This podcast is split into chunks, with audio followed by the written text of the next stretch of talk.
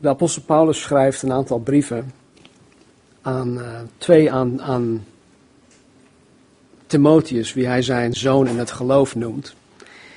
En het zijn hele praktische brieven waarin hij instructies geeft over hoe Timotheus de gemeente in Efeze moet leiden, hoe hij dat moet besturen, uh, dingen op orde zetten.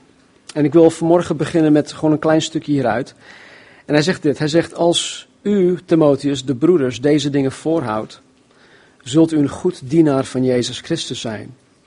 Gevoed door de woorden van het geloof en door de goede leer die u nagevolgd hebt. Sorry, ik zit in 1 Timotheus 4 vanaf vers 6.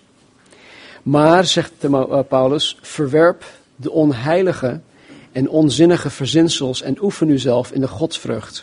Want de oefening van het lichaam is van weinig nut, maar de godsvrucht is nuttig voor alle dingen, omdat zij de belofte van het tegenwoordige en van het toekomende leven geeft. Dit is een betrouwbaar woord en alle aanneming waard. Want daarvoor spannen wij ons ook in en worden wij gesmaad, omdat wij onze hoop gevestigd hebben op de levende God, die een behouder is van alle mensen, in het bijzonder van de gelovigen. Beveel deze dingen en onderwijs ze. Laat niemand u minachten vanwege uw jeugdige leeftijd, maar wees een voorbeeld voor de gelovigen in woord, in wandel, in liefde, in geest, in geloof en in reinheid. En dan dit. Blijf bezig met het voorlezen, met het vermanen, met het onderwijzen, totdat ik kom. Tot zover. Wat mij erg aanspreekt in, in dit kleine stukje is vers 13. Wat ik eigenlijk, of wat wij eigenlijk niet genoeg doen, is het voorlezen. En natuurlijk behandelen wij elke week een gedeelte van de Bijbel. Ik lees Bijbelversen voor, ik geef daar commentaar op, ik geef daar uitleg, uitleg op. Maar het gewoon het voorlezen, wat bijvoorbeeld wat Kobus een aantal maanden geleden deed toen hij um, uh, 1 Thessalonicense had behandeld. En zo, toen ik bezig was met de voorbereiding op, uh, op deze preek, ja, had ik voorgenomen om hoofdstuk 5 van Matthäus af te maken. Maar um, ja, ik, ik, werd echt bepaald door, door, uh, door een aantal dingen, waaronder ook 1 Timotheus 4, om het anders te doen vandaag. En dan echt focussen op de kruisiging van Jezus Christus. Maar laten we, laten we onze Bijbels openslaan op Matthäus hoofdstuk 26. Matthäus 26, vers 1. Jezus is net klaar met het vertellen uh, van uh, het laatste oordeel, de eindtijd en dat soort dingen. En dan staat er in vers 26, vers 1. En toen Jezus al deze woorden geëindigd had, gebeurde het dat hij tegen zijn discipelen zei: U weet dat over twee dagen het Pascha is, het paasfeest. En dan zal de zoon des mensen overgeleverd worden om gekruisigd te worden. Nou, het verandert de scène. Toen kwamen de overpriesters en de schriftgeleerden en de oudsten van het volk bijeen in het paleis van de hoge priester die Caiaphas heette. Zij overlegden met elkaar om Jezus met list te grijpen en te doden. Maar ze zeiden, niet tijdens het feest, opdat er geen opschudding onder het volk komt. Toen, vers 6, Jezus in Betanië was, in het huis van Simon de Melaatse, kwam er een vrouw naar hem toe die een albasten fles met zeer kostbare zalf had, een soort van parfum. En ze goot die uit op zijn hoofd terwijl hij aanlag. Hij, hij, hij, hij lag daar te eten, hè? hij was aan tafel. En zij komt, zij komt naar hem toe en giet gewoon dat, ja, die parfum over zijn hoofd heen. Ze, ze zalfde hem daarmee. Toen zijn, dat, toen zijn discipelen dat zagen, waren zij verontwaardigd en zeiden: Waartoe deze verkwisting? Deze zalf had immers duur verkocht kunnen worden en de opbrengst aan de armen gegeven. Maar Jezus, die dit merkte, zei tegen hen: Waarom valt u deze vrouw lastig? Want, want zij heeft een goed werk aan mij verricht. De armen hebt u immers altijd bij u, maar mij hebt u niet altijd. Want toen zij deze zalf op mijn lichaam goot, deed zij dat als voorbereiding op mijn begrafenis. Voorwaar, ik zeg u, overal waar dit evangelie gepredikt zal worden in heel de wereld, zal ook tot haar gedachtenis gesproken worden over wat zij gedaan heeft. Eh, hoeveel preken hebben wij niet gehoord over deze vrouw? Die het gedaan heeft. Overal in de wereld wordt vandaag de dag, 2000 jaar later, nog steeds over deze vrouw gesproken. En Jezus zegt dat hier. Toen ging een van de twaalf, vers 14, die Judas Iscariot heette, naar de overpriesters en zei: Wat wilt u mij geven als ik hem, dus als ik Jezus aan u overlever? En ze kenden hem daar dertig zilveren penningen toe. En van toen af zocht hij een geschikte gelegenheid om hem over te leveren. Hij is een van de twaalf. Heeft dag en nacht drie jaar lang met Jezus opgetrokken. Heeft alles van heel dichtbij meegemaakt. En dan gaat hij naar die overpriesters toe en zegt: Joris, hoeveel krijg ik van jullie? Als ik Jezus aan je overlever. En voor dertig zilverstukken heeft hij dat dan gedaan. Op de eerste dag van de ongezuurde broden kwamen de discipelen naar Jezus toe. En ze zeiden tegen hem: Waar wilt u dat wij de voorbereiding voor u treffen om het pascha te eten? Hij zei: Ga de stad in naar een zeker persoon en zeg tegen hem: De meester zegt: Mijn tijd is nabij. Ik zal bij u het pascha houden met mijn discipelen. En de discipelen deden zoals Jezus hen opgedragen had en maakten het pascha gereed. Toen het avond geworden was, lag hij aan met de twaalf. Nou, het, het aanliggen is net alsof wij zeggen, we schuiven aan, hè, of we zitten aan tafel. Maar goed, in die tijd lagen ze op één elleboog lang uit met deze hand etend. Vandaag de dag hebben wij hogere tafels, we schuiven aan, zitten lekker op een stoel. Maar goed, toen het avond geworden was, lag hij aan met de twaalf. En toen ze aten, zei hij, voorwaar ik zeg u dat één van u mij zal verraden. En ze werden zeer bedroefd en ieder van hen begon tegen hem te zeggen, ik ben het toch niet, heren? En hij antwoordde en zei, wie de hand met mij in de schotel indoopt, die zal mij verraden. Dus ze hadden daar aan, op tafel een, een, een pot met, met vlees of met jus, braken het brood af en doopten in de jus en aten het brood. En het was waarschijnlijk op hetzelfde moment dat Jezus en Judas dat deden, toen hij zei, nou het is degene die dat doet, die zal mij verraden. De zoon des mensen gaat wel heen, zoals over hem geschreven is, maar wee die mens door wie de zoon des mensen verraden wordt. Het zou goed voor die mens zijn als hij nooit geboren was. Judas, die hem verraden, antwoordde en zei: Ik ben het toch niet, rabbi? Hoe schijnheilig kan een mens ook zijn? Hij had, hij had al voorgenomen, hij had zelfs plannen gemaakt. Hij had dertig zilverstukken gekregen om Jezus te verraden. Maar om niet op te vallen in dat gezelschap, zegt hij: Ik ben het toch niet? En dan, dan voegt hij zelfs rabbi toe. En dat is een, dat is een, een, een ja, een, titel die hij gebruikt om, te, om aan te geven van, joh, ik ben uw ondergeschikte. U bent mijn meester. Nou, in andere evangelie staat er dat, um, dat op dat moment Satan hem um, bezat. En toen zei Jezus tegen hem, wat je moet doen, doe snel. En hij vertrok op dat moment. En dan gaan we nu dus met het verhaal verder.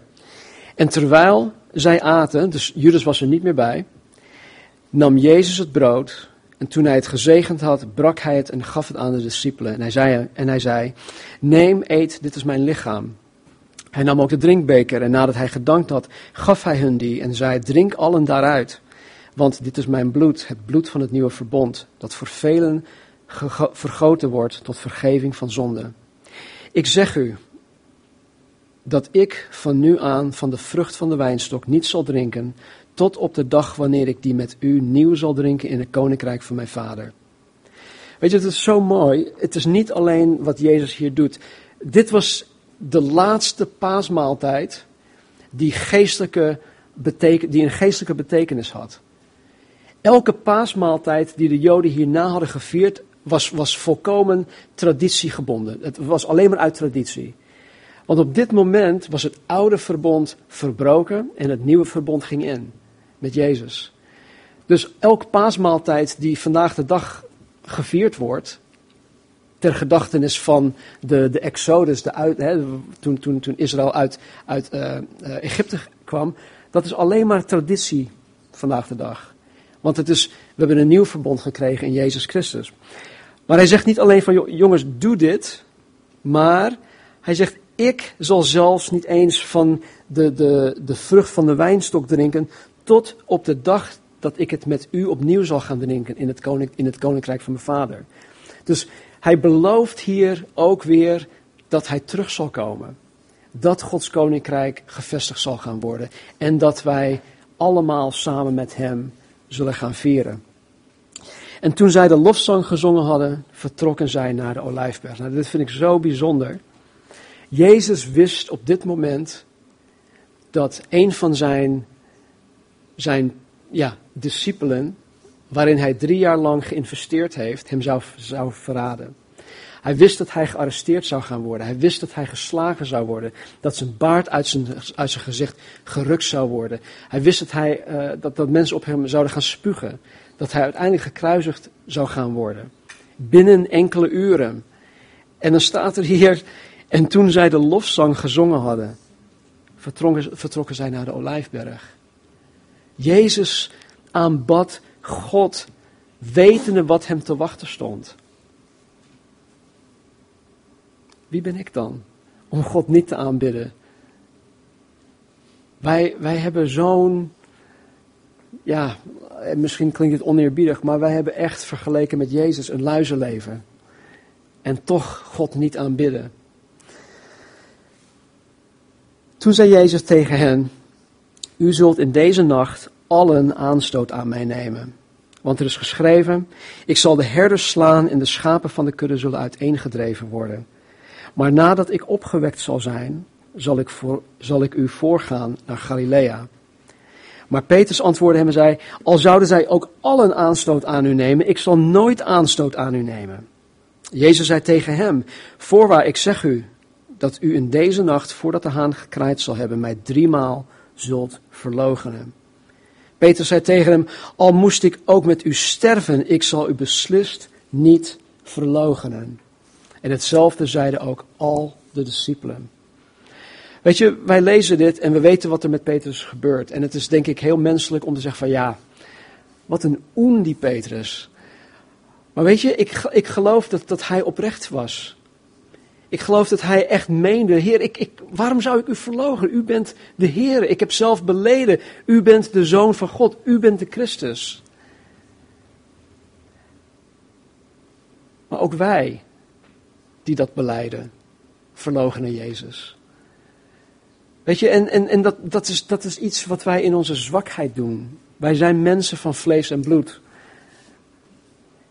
En het is niet Gods verlangen dat wij dat doen, maar het laat ons wel zien dat wij God keihard nodig hebben.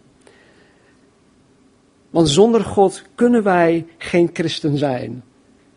Dan zullen wij Hem voortdurend blijven verloochenen. Niet alleen in wat we zeggen, maar in alles wat we zijn. In elk, met elk vezel van ons wezen zullen we Hem verloochenen.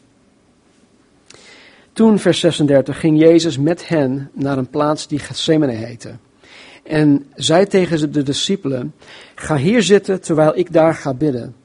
En hij nam Petrus en de twee zonen van Zebedeus, dat waren Jacobus en Johannes, met zich mee en begon bedroefd en zeer angstig te worden.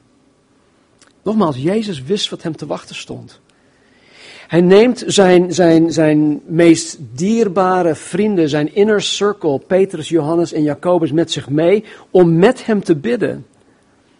Hij zegt in vers 38, uh, mijn ziel is zeer bedroefd tot de dood toe. Blijf hier en waak met mij. Met andere woorden, jongens, bid alsjeblieft met mij. Bid samen met mij. Bid voor mij. En nadat hij iets verder gegaan was, wierp hij, met zijn, wierp hij zich met het gezicht ter aarde en bad: Mijn vader, als het mogelijk is, laat deze drinkbeker aan mij voorbij gaan. Maar niet zoals ik wil, maar zoals u wilt. Hij vroeg God, Heer, als er, als er enige andere mogelijkheid is om de mens te redden, laat dit alsjeblieft mij voorbij gaan. Maar niet zoals ik wil, maar zoals u wilt. Jezus had een eigen wil, wisten jullie dat? Jezus had een eigen wil. We denken zo vaak, oh, Jezus is God. Hij, hij was door God gestuurd, hij was door God geleid. Hij, uh, God had een soort van dit misschien en, en Jezus deed alles wat God van hem vroeg. Nee, Jezus was mens, hij had een eigen wil. En het ergste wat een mens zou kunnen overkomen, is niets vergeleken met wat Jezus te wachten stond. Als het mogelijk is, laat deze drinkbeker aan mij voorbij gaan. En hij kwam bij de discipelen en trof hen slapend aan. En hij zei tegen Petrus, kon u dan niet één uur met mij waken? Waak en bid, opdat u niet in verzoeking komt. De geest is wel gewillig, maar het vlees is zwak. Opnieuw voor de tweede keer ging hij heen en bad. Mijn vader, als deze drinkbeker aan mij niet voorbij kan gaan, zonder dat ik hem drink, laat uw wil dan geschieden. Toen hij bij hen kwam, trof hij hen opnieuw slapend aan, want hun ogen waren zwaar geworden. En hij liet hen achter, ging nogmaals heen en bad voor de derde keer met dezelfde woorden. Toen kwam hij bij zijn discipelen en zei tegen hen, slaap nu maar verder en rust. Het uur is nabijgekomen dat de zoon des mensen overgeleverd wordt in de handen van de zondaars. Sta op, laten we gaan, zie, hij die mij verraadt is dichtbij. Terwijl hij nog sprak, zie Judas en een van de twaalf, of een van de twaalf, kwam eraan met hem en met hem een grote menigte, met zwaarden en stokken, gestuurd door de overpriesters en oudsten van het volk. Hij die Jezus verraadde, had hen of had met hen een teken afgesproken en gezegd: Degene die ik kussen zal, die is het, grijp hem. En hij ging meteen naar Jezus toe en zei: Gegroet, rabbi. rabbi. En hij kuste hem. Maar Jezus zei tegen hem: Vriend, waarvoor bent u hier? Toen kwamen zij dichterbij, sloegen de handen aan Jezus en grepen hem. En zie, een van hen die bij Jezus waren, stak zijn hand uit, trok zijn zwaard trof de slaaf van de hoge priester en sloeg hem het oor af. Toen zei Jezus tegen hem, duw uw zwaard terug op zijn plaats, want allen die naar het zwaard grijpen zullen door het zwaard omkomen. Of denkt u dat ik mijn vader nu niet kan bidden en hij zal mij meer dan twaalf legioenen engelen ter beschikking stellen? Hoe zouden anders de schriften vervuld worden die zeggen dat het zo geschieden moet? Op dat moment sprak Jezus tot de menigte. Bent u er met zwaarden en stokken op uitgegaan als tegen een misdadiger om mij te vangen? Dagelijks zat ik bij u in de tempel om onderwijs te geven en, en u hebt mij niet gegrepen. Maar dit alles is geschied opdat de schriften van de profeten vervuld zouden worden. Toen verlieten al de discipelen hem en vluchtten. Toen verlieten al de discipelen hem en vluchtten. Zij die Jezus gegrepen hadden, leidde hem weg naar Caiaphas, de hoge priester, waar de schriftgeleerden en oudsten bijeengekomen waren. Petrus volgde hem op, op een afstand, tot aan het paleis van de hoge priester. En toen hij naar binnen gegaan was, zat hij bij de dienaars om het einde te zien. De overpriesters en de oudsten en heel de raad zochten een valse getuigenverklaring tegen Jezus, zodat ze hem zouden kunnen doden, maar zij vonden niets. En hoewel er veel valse getuigen gekomen waren, vonden zij niets. Maar tenslotte kwamen er twee valse getuigen die zeiden: Deze heeft gezegd: Ik kan de tempel van God afbreken en hem in drie dagen opbouwen. En de hoge priester stond op en zei tegen Jezus: Antwoord u niets? Wat getuigen deze tegen u? Maar Jezus zweeg. En de hoge priester antwoordde hem: Ik bezweer u bij de levende God dat u ons zegt of u de Christus bent, de Zoon van God. Jezus zei tegen hem, u hebt het gezegd. Maar ik zeg u, van nu aan zult u de Zoon des Mensen zien zitten aan de rechterhand van de kracht van God en zien komen op de wolken van de hemel. Weet je, Jezus bevindt zichzelf hier in een hele benarde situatie. Hij wordt geëxecuteerd, hij weet dat. Ik zou hem misschien een politiek correct antwoord hebben gegeven om mezelf toch misschien enigszins uit die situatie te kunnen, te kunnen krijgen. Maar Jezus maakt het juist nog erger. En wat gebeurt er? Vers, vers 65. Toen scheurde de hoge priester zijn kleren en zei: Hij heeft God gelasterd. Waarom hebben wij nog getuigen nodig? Zie, nu hebt u zijn godslastering gehoord. Wat denkt u? En ze antwoordden en zeiden: Hij is schuldig en verdient de dood. Toen spuurden zij in zijn gezicht en sloegen hem met vuisten. En anderen sloegen hem in het gezicht en zeiden: Profeteer ons, Christus, wie is het die u geslagen heeft? In andere evangeliën lezen we dat, hij, dat ze een, een zak over zijn hoofd hebben, hebben gedaan. Dat ze hem toen sloegen. Kijk, als, als ik hier sta en ik weet, Roelof die komt naar me toe en hij geeft me eentje, dan zie ik het aankomen, ik kan me erop instellen. Maar als je geblinddoekt bent of als je een zak over je hoofd, dan heb je geen flauw idee, dan, dan krijg je die meppen en dan is het heel anders. En dan zeggen ze zelfs, oké, profiteer ons, Christus. Wie is, het, wie is het die u geslagen heeft? Dus spottend. Petrus zat buiten op de binnenplaats. Een dienstmeisje kwam naar hem toe en zei, ook u was bij Jezus de Galileër. Maar hij ontkende het in het bijzijn van allen en zei, ik weet niet wat u zegt. Dan, joh, ik weet niet waar je het over hebt. Toen hij naar buiten ging, naar de poort, zag een ander dienstmeisje hem. En die zei tegen hen die daar waren, hij, hij was ook bij Jezus de Nazarener. En hij ontkende het opnieuw met een eed. En zei, ik ken die mens niet. In onze, in onze taal zou ze ik zweer het je jongen, ik ken, nee, ik, ik, ken, ik ken hem niet. Ik ken hem echt niet. Kort daarna zeiden zij, die daar stonden en dichterbij kwamen, tegen Petrus, werkelijk, u bent een van hen, want uw spraak verraadt u. Hij had een Galilees accent. Als iemand hier in Amsterdam staat te praten, dan kan je, kan je er niet omheen komen dat hij uit Amsterdam komt. Of een Rotterdammer. Zijn spraak verraadde hem. Toen begon hij zich te vervloeken en te zweren. Ik ken de mens niet. En meteen kraaide de haan en Petrus herinnerde zich het woord van Jezus. Die tegen hem gezegd had, voordat de haan gekraaid zal hebben, zult u mij driemaal verloochenen. En toen ging hij naar buiten en huilde bitter. Wauw.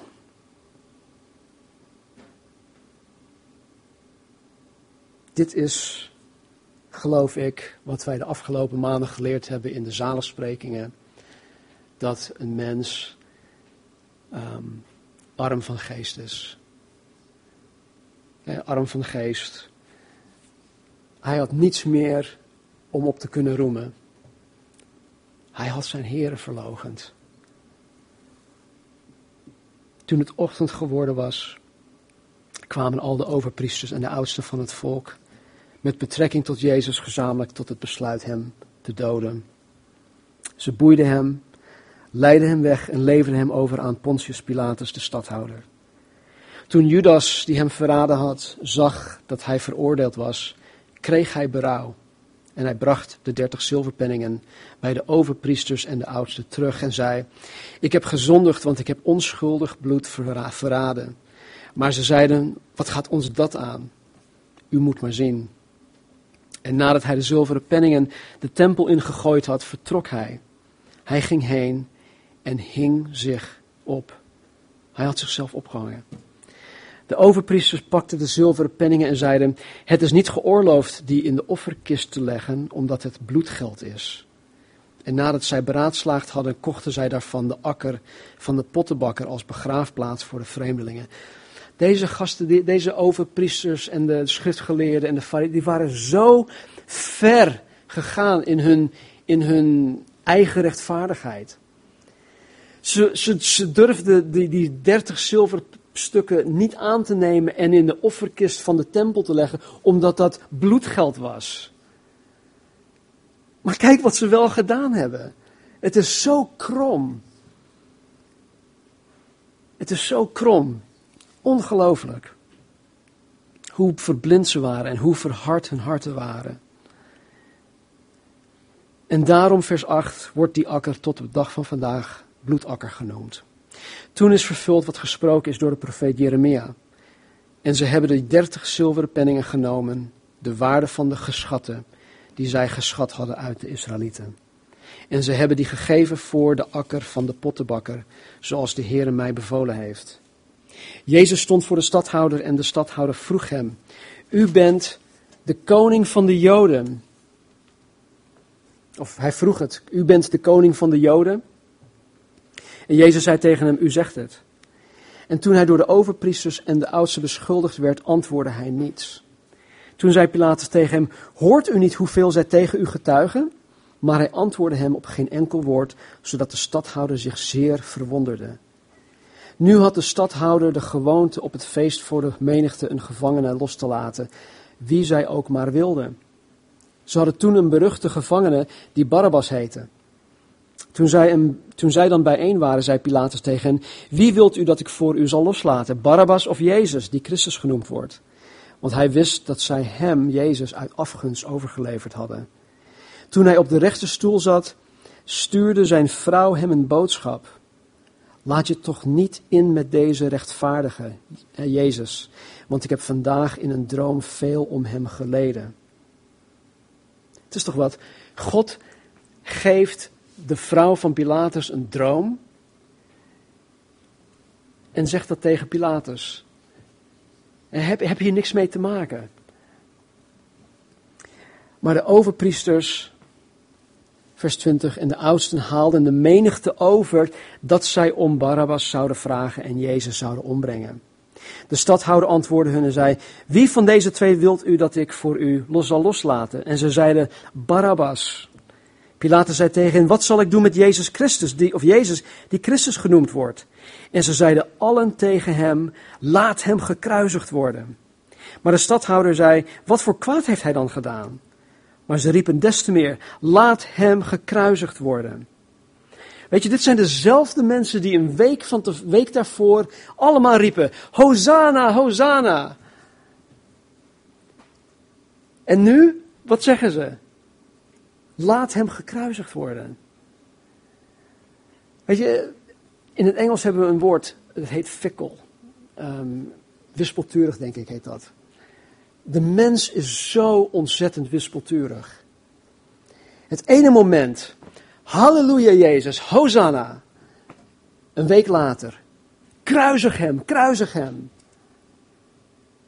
Weet je, ik haat het dat ik, dat ik soms ook zo wispelturig ben. Niet, niet zo extreem, maar weet je, elke vorm van wispelturigheid in mijn eigen hart richting Jezus is, is, is verschrikkelijk in mijn ogen. Ik baal ervan dat ik soms zo, ja, wispelturig ben. En daarom nemen wij vanmorgen ook het heilige avondmaal. Want ook daarvoor is Jezus Christus gestorven. Toen Pilatus zag dat hij niets bereikte, maar dat er veel eer opschudding ontstond, nam hij water. hij waste zijn handen voor de ogen van de menigte en zei: Jongens, ik ben onschuldig aan het bloed van deze rechtvaardige. U moet maar zien. En heel het volk antwoordde en zei: Laat zijn bloed maar komen over ons en over onze kinderen. Toen liet, zij, toen liet hij Barabbas voor hen los, maar nadat hij Jezus gegezeld had, gaf hij hem over om gekruisigd te worden. Toen namen de soldaten van de stadhouder Jezus met zich mee in het gerechtsgebouw en verzamelden heel de legerafdeling om hem heen. En toen ze hem ontkleed hadden, deden zij hem een scharlakenrode mantel om, vlochten een kroon van dorens, zetten die op zijn hoofd en gaven hem een rietstok in zijn rechterhand. Ze vielen op hun knieën voor hem neer en bespotten hem met de woorden: Gegroet, koning van de Joden. Ook bespuurden zij hem, pakten de rietstok, rietstok en sloegen hem op zijn hoofd. En toen zij hem bespot hadden, trokken ze hem de mantel uit, trokken hem zijn kleren aan en leidden hem weg om hem te kruisigen. Toen zij op weg gingen, troffen zij een man uit Cyrene aan, van wie de naam Simon was die dwongen zij om zijn kruis te dragen. En gekomen bij de plaats die Golgotha genoemd wordt, wat schedelplaats betekent.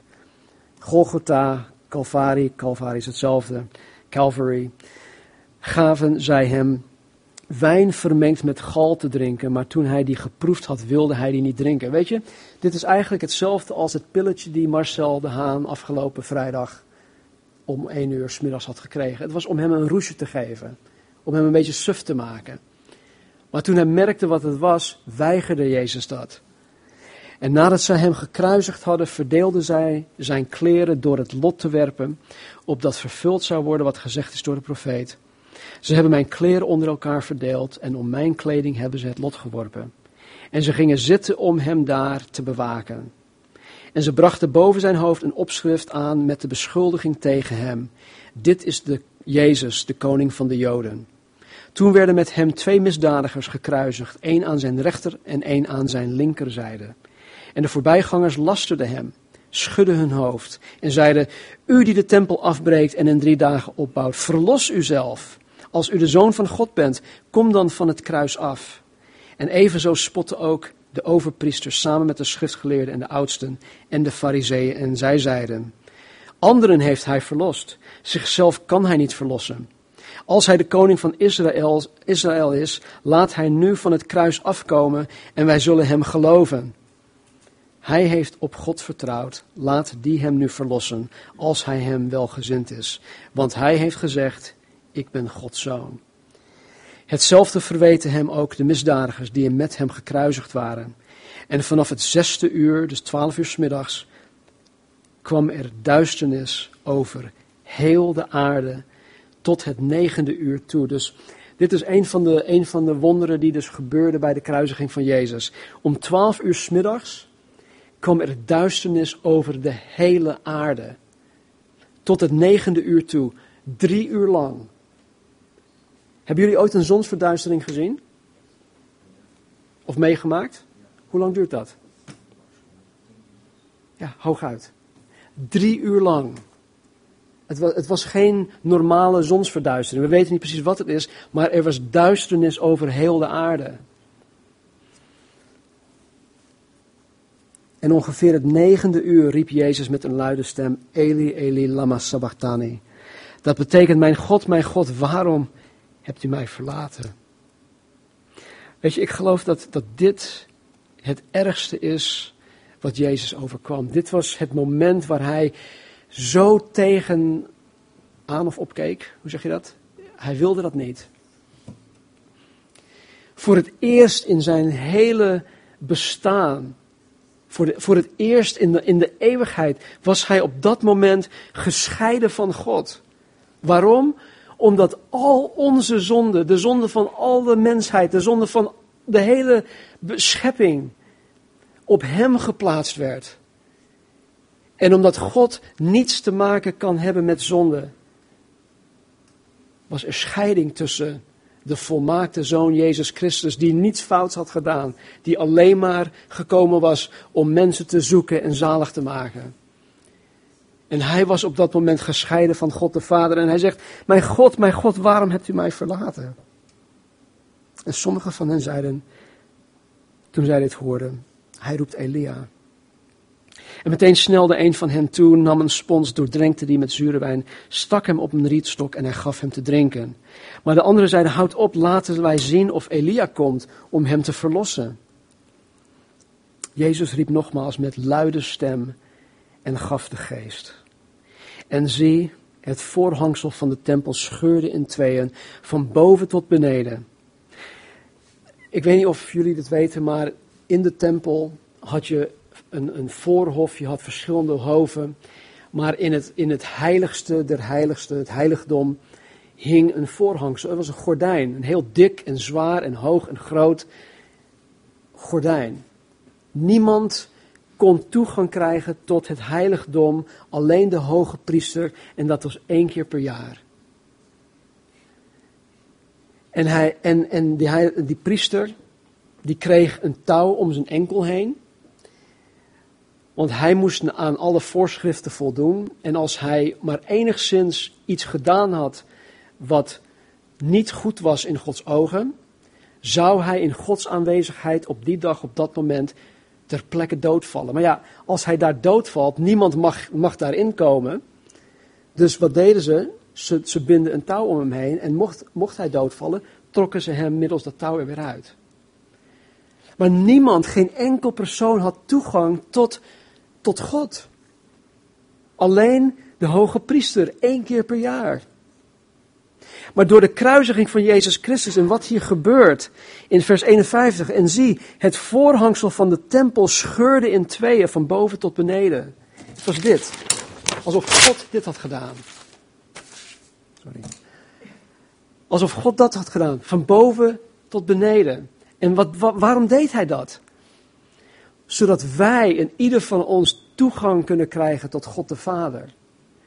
tot, tot Gods troon der genade. Wij hebben door het bloed van Jezus Christus toegang gekregen tot God, de Almachtige, de Schepper van hemel en aarde. De aarde beefde en de rotsen scheurden. Ook werden de graven geopend en veel lichamen van heiligen die ontslapen waren, werden opgewekt. En na zijn opwekking, dus na de opwekking, op, opstanding van Jezus, gingen zij uit de graven, kwamen in de heilige stad en zijn aan velen verschenen. Mensen, dit zijn eenmalige, hele bijzondere wonderen die gebeurden bij de kruisiging van Jezus. Jezus toonde hiermee aan, God de Vader toonde hiermee aan. Jezus is degene, Hij is degene waarover ik jarenlang geprofiteerd heb. Honderden jaren voordat Jezus op het toneel kwam, heb ik hierover gesproken. Vanaf Genesis 3. Dit, hij, is, hij is het. En dit zijn alle tekenen en wonderen die gebeurden om dat allemaal te bevestigen. En toen de hoofdman over honderd en zij die met hem Jezus bewaakten, de aardbeving zagen. En de dingen die gebeurden, werden zij erg bevreesd en zeiden werkelijk, dit was Gods zoon. Da. En er waren daar veel vrouwen die uit de verte toekeken. Ze waren Jezus gevolgd van Galilea om hem te dienen. En onder hen was Maria Magdalena, uit wie zeven demonen was uitgedreven. En Maria, de moeder van Jacobus Johannes, de moeder van de zonen van Zebedeus. Toen het avond geworden was, kwam er een rijke man van Arimathea, van wie de naam Jozef was, en die ook zelf een discipel van Jezus was. Die ging naar Pilatus en vroeg om het lichaam van Jezus. Toen gaf Pilatus bevel dat het lichaam aan hem gegeven zou worden. Jozef nam het lichaam in ontvangst, wikkelde het in zuiver fijn linnen, legde het in zijn nieuwe graf dat hij in de rots uitgehakt had. En nadat hij een grote steen voor de ingang van het graf gewenteld had, ging hij weg. En daar waren Maria Magdalena en de andere Maria die tegenover het graf zaten. De volgende dag, dat is de dag na de voorbereiding, kwamen de overpriesters, fariseeën bij Pilatus bijeen en zeiden, Heer, wij herinneren ons dat deze verleider gezegd heeft toen hij nog leefde, na drie dagen zal ik opgewekt worden. Geef dan bevel dat het graf tot de derde dag toe beveiligd wordt, opdat zijn discipelen hem s'nachts misschien niet komen stelen en tegen het volk zeggen, hij is opgewekt uit de doden. En dan zal de laatste dwaling erger zijn dan de eerste. Pilatus zei tegen hen, hier hebt u een wacht, ga heen, beveilig het naar uw beste weten. Zij gingen erheen, beveiligden het graf met de wacht, nadat zij de steen verzegeld hadden.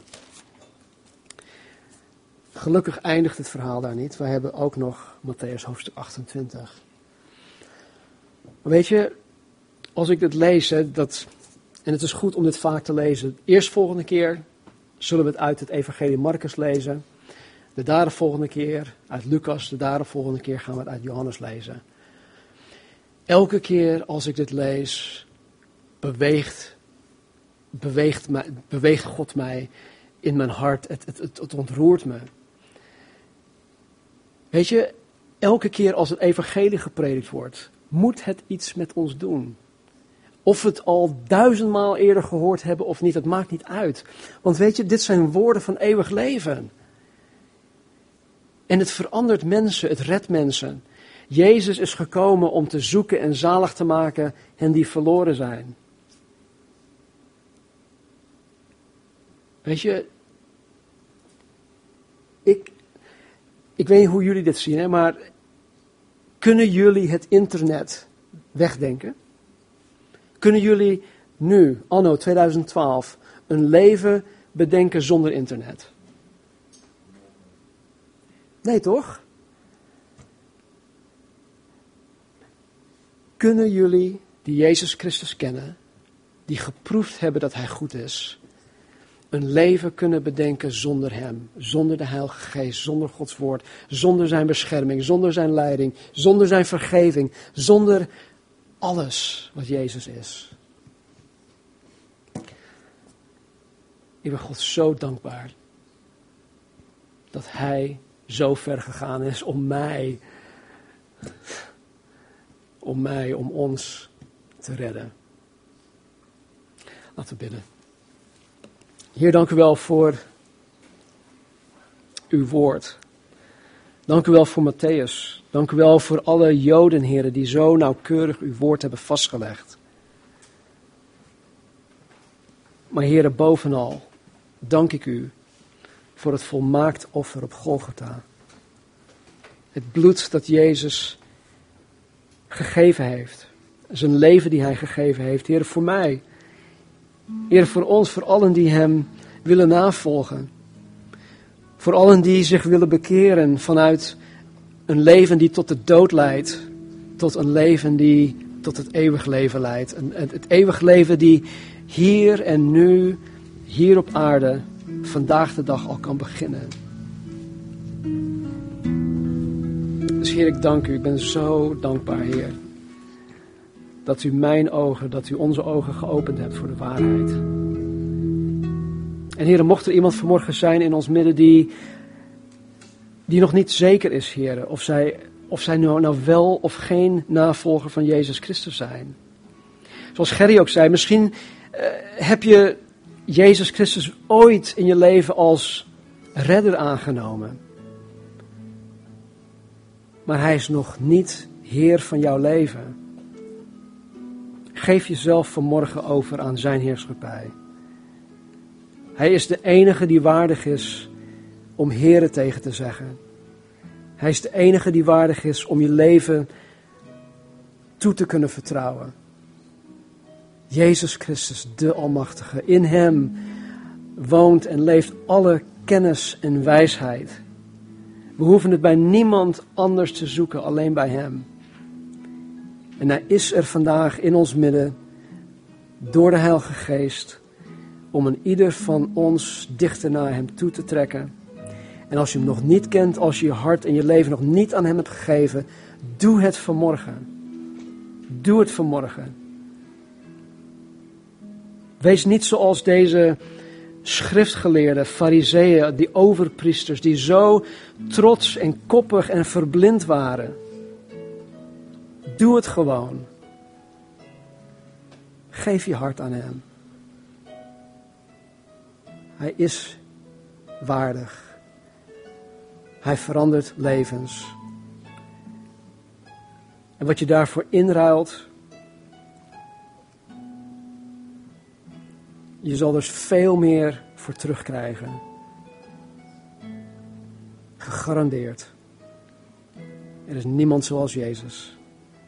De enige echte God. De God van de Bijbel. Heer, zegen ons. Heer, help ons, Heer, om vanmorgen de nodige stappen te zetten. Heer, waar wij gefaald hebben, Heer, help ons om u vergeving te vragen. Heer, waar wij verslapt zijn geraakt in ons geloof, in het navolgen van U. Waar wij het oog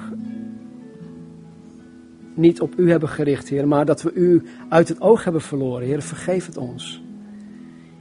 Heer, waar wij alleen maar ons eigen ding aan het doen zijn. Vergeef het ons. Help ons om vanmorgen, Heer, gewoon met een schone lei te beginnen. En beweeg ons daartoe, Heer. Laat, laat onze schuldgevoelens, laat de Satan ons niet verhinderen, Heer, om tot U te komen vanmorgen. Dank u wel. U bent alleen maar goed. In uw naam. Amen. Het uh, aanbiddingsteam gaat zo meteen een aantal liederen zingen. Uh, ik zou zeggen, neem gerust de tijd om vanuit je plek met God te praten. Als je dingen met God goed moet maken, doe dat. En dan als je er klaar voor bent, kom naar voren toe, neem de elementen. En dan, uh, als we daar klaar mee zijn, gaan we gezamenlijk zingen. Als je gebed nodig hebt, kom naar voren. Ik zal hier ook aan de zijkant staan. Schroom niet, wees niet uh, verlegen of beschaamd. Als ik daar zat, dan zou ik mezelf ook naar voren toe komen. Geloof me nou. Ja, staat er zo.